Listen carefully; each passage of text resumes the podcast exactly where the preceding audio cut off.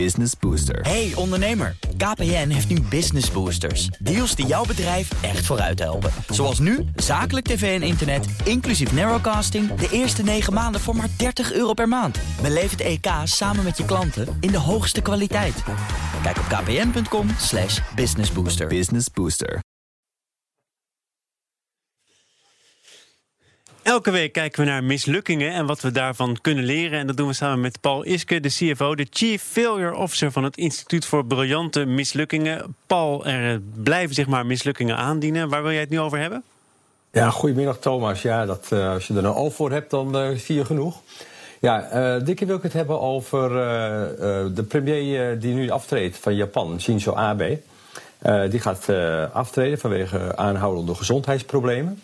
En ik ga echt niet uh, zijn hele premierschap hier analyseren. Maar ik ga in op een opmerking die hij zelf heeft gemaakt toen hij zijn afscheid uh, aankondigde. Want hij had het daar over zijn grootste teleurstelling. En daar wil ik het even over gaan hebben. kijk, er zijn een heleboel zaken waar hij natuurlijk de afgelopen jaren mee geconfronteerd is geweest. nou, hij zit al heel erg lang daar. Het is de langzittende premier. Hè. In, in twee termijnen, één hele korte. Toen moest hij ook al weg vanwege zijn gezondheid. Maar hij kwam terug. En uh, nou ja, hij heeft uh, te maken gehad met de economie. De economie die al jarenlang uh, kwakkelt in Japan. Nou ja, daar kan Kees de Kort ook veel meer over vertellen. Dat doet hij ook bijna maar, dagelijks hoor, dus ik ben van dat doet hij, Ja, dat doet hij ook, dus daar ga ik echt niet over doen. Hè, maar je mag, hij heeft heel veel maatregelen getroffen. En, en, dat staat zelfs bekend onder de naam Abenomics. Hè, dus hij heeft echt een, de economie proberen aan te ja, jakkeren en aan te jagen.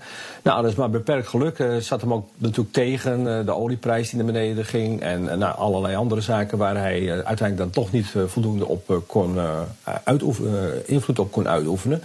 Het is overigens wel zo dat toen hij aankondigde dat hij wegging, dat de Nikkei heel scherp daalde, 2%.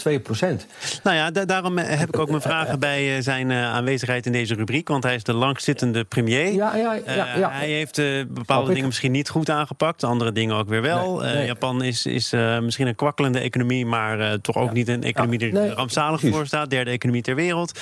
Dus, dus Paul, we moeten langzaam naar de echte mislukking dan. Ja, en het coronaverhaal, dat was natuurlijk een beetje teleurstellend dat de Olympische Spelen niet door kunnen gaan. Uh, Japan scoort ook niet, als je het kijkt in, in, in de directe omgeving, ook niet het allerbest op, uh, op de aanpak van de corona. Maar waar gaat het hier om?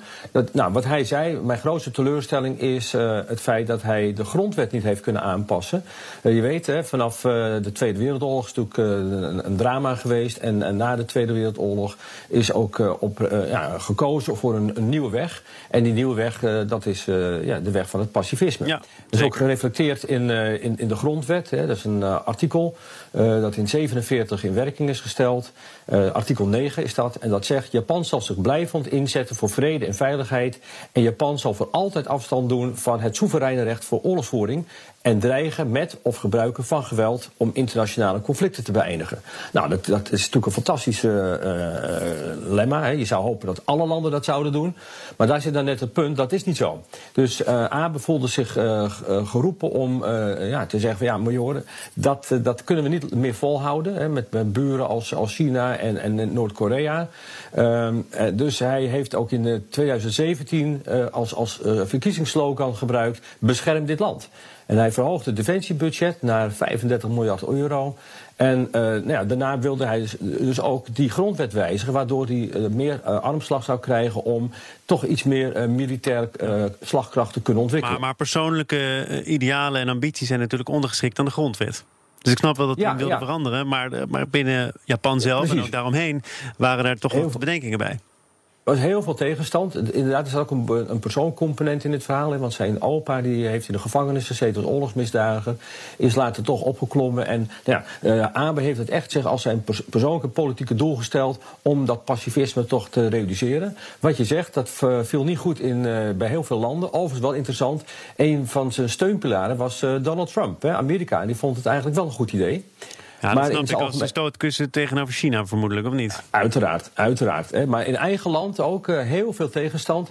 Dus uh, het lukte hem niet. En het enige wat hem nog gelukt is... en daar heeft hij eigenlijk ook een klein beetje hier en daar uh, de wet naar zijn hand gezet... heeft hij een, een, een, herinterpretatie van artikel 9 weten er doorheen te krijgen. Ja. Waardoor hij toch hier en daar wat, wat, wat dingen voor elkaar kon krijgen. Dat toch wat, wat middelen kon, kon inzetten en wat middelen kon ontwikkelen. Maar het is natuurlijk verder van chic hoe dat gegaan is. En uiteindelijk moet je toch constateren dat zijn, eigen, zijn eigenlijke doel, namelijk het aanpassen van die grondwet, en met name dat artikel 9, dat is gewoon niet gelukt. Dus dat is de mislukking. Dan uh, bestaat die mislukking natuurlijk uit een aantal elementen. De viral formule, die gaan we weer even langs, Paul. Ja, ja, ja. Het is overigens dus wij, je weet, wij werken met archetypes. En dit is typisch het uh, archetype, het generaals onderleger. Je het. Hij wilde iets, maar de rest wilde niet. Dus hij stond toch min of meer alleen. Nou, dus om, om zijn zin door te drukken, heeft hij dus wat allerlei uh, methoden niet uh, onbeproefd gelaten. Nou, wat, wat krijg je dan? Nou, de visie. wat was hij van plan? ja, er valt ook wel wat voor te zeggen. Bedoel, ja, de wereld is gewoon niet ideaal. Dus dat je zegt, nou, ik wil me daar toch wel tegen kunnen wapenen. Daar kun je iets van zeggen. Maar gezien het verleden is, is het toch wel heel fijn dat er toch een, een, een, hele sterke pacifistische stroming daar heerst. Ik laat me daar even niet over uit, dan geef ik het een 6, dan kan het uiteindelijke uitslag niet beïnvloeden. De inzet, nou hij heeft werkelijk alles uit de kast gehaald om het uh, voor elkaar te krijgen, tot aan uh, dingen toe waarvan je denkt, nou, kan dat überhaupt wel? Nou, ik geef voor de inzet geef ik een 9. Maar de risico's, ja, hij heeft uh, risico's genomen in eigen land en daarbuiten is sterk afkeurend gereageerd op zijn plannen en zijn handelen. En hij heeft geboft dat zijn politieke tegenstand eigenlijk heel zwak was. Want anders had, uh, was er echt wel een kans geweest dat hij, uh, ja, dat hij ten val zou worden gebracht voor al deze uh, acties. Ik denk dat hij de risico's overigens al gezien heeft, maar gewoon bewust genomen heeft. Maar ik, ja, alles bij elkaar een zes. De aanpak. Ja, uh, dat is de, de, vierde letter van de firewall, de A. Nou, natuurlijk beoordeel ik het enigszins naar onze eigen maatstaven, maar uh, zijn manier van doen krijgt echt niet de schoonheidsprijs. Het komt manipulatief, uh, manipulatief over, het is ondemocratisch. Hij heeft er wel over nagedacht, maar anderen, met anderen samenwerken, nou dus typisch niet. Ik vind het echt onvoldoende, een drie. Mm Nou, de lessen, die, de lessen die je geleerd hebt, je kunt van leren dat ook zelfs een sterke persoonlijke ambitie toch uiteindelijk gaat smoren in een gebrek aan een collectieve ambitie. Je zit daar als politicus namens het land en niet namens jezelf. En ik betwijfel eerlijk gezegd of veel machthebbers dit wel willen zien uh, en, en, en, gebruiken. Nou, aangezien AB er zelf mee ophoudt, zal hij de les in ieder geval niet meer in praktijk kunnen brengen. Dus ik vrees eerlijk gezegd dat dit niet uh, de laatste keer zal zijn dat op deze manier dingen uh, geprobeerd worden. Dus ik vrees dat ik niet meer kan geven dan een 4 voor de geleerde lessen. Wij zien ze wel, maar worden ze ja. toegepast. Nou, als ik dan alles bij elkaar optel en even vermenigvuldig, je weet het, dan kom ik op een 5,2. Dat is dus wel mislukt, maar niet zo briljant. En dat is dus extra teleurstellend dus voor hem. Want ja, het is niet alleen mislukt, maar is ook nog eens een keertje niet briljant mislukt. Nou, misschien wel leuk om te vermelden. Er komt een Japanse vertaling van mijn boek.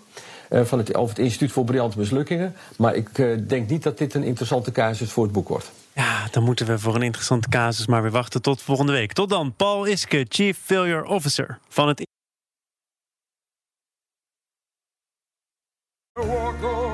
Hardlopen, dat is goed voor je. En Nationale Nederlanden helpt je daar graag bij. Bijvoorbeeld met onze digitale NN Running Coach... die antwoord geeft op al je hardloopvragen. Dus, kom ook in beweging. Onze support heb je. Kijk op nn.nl slash hardlopen.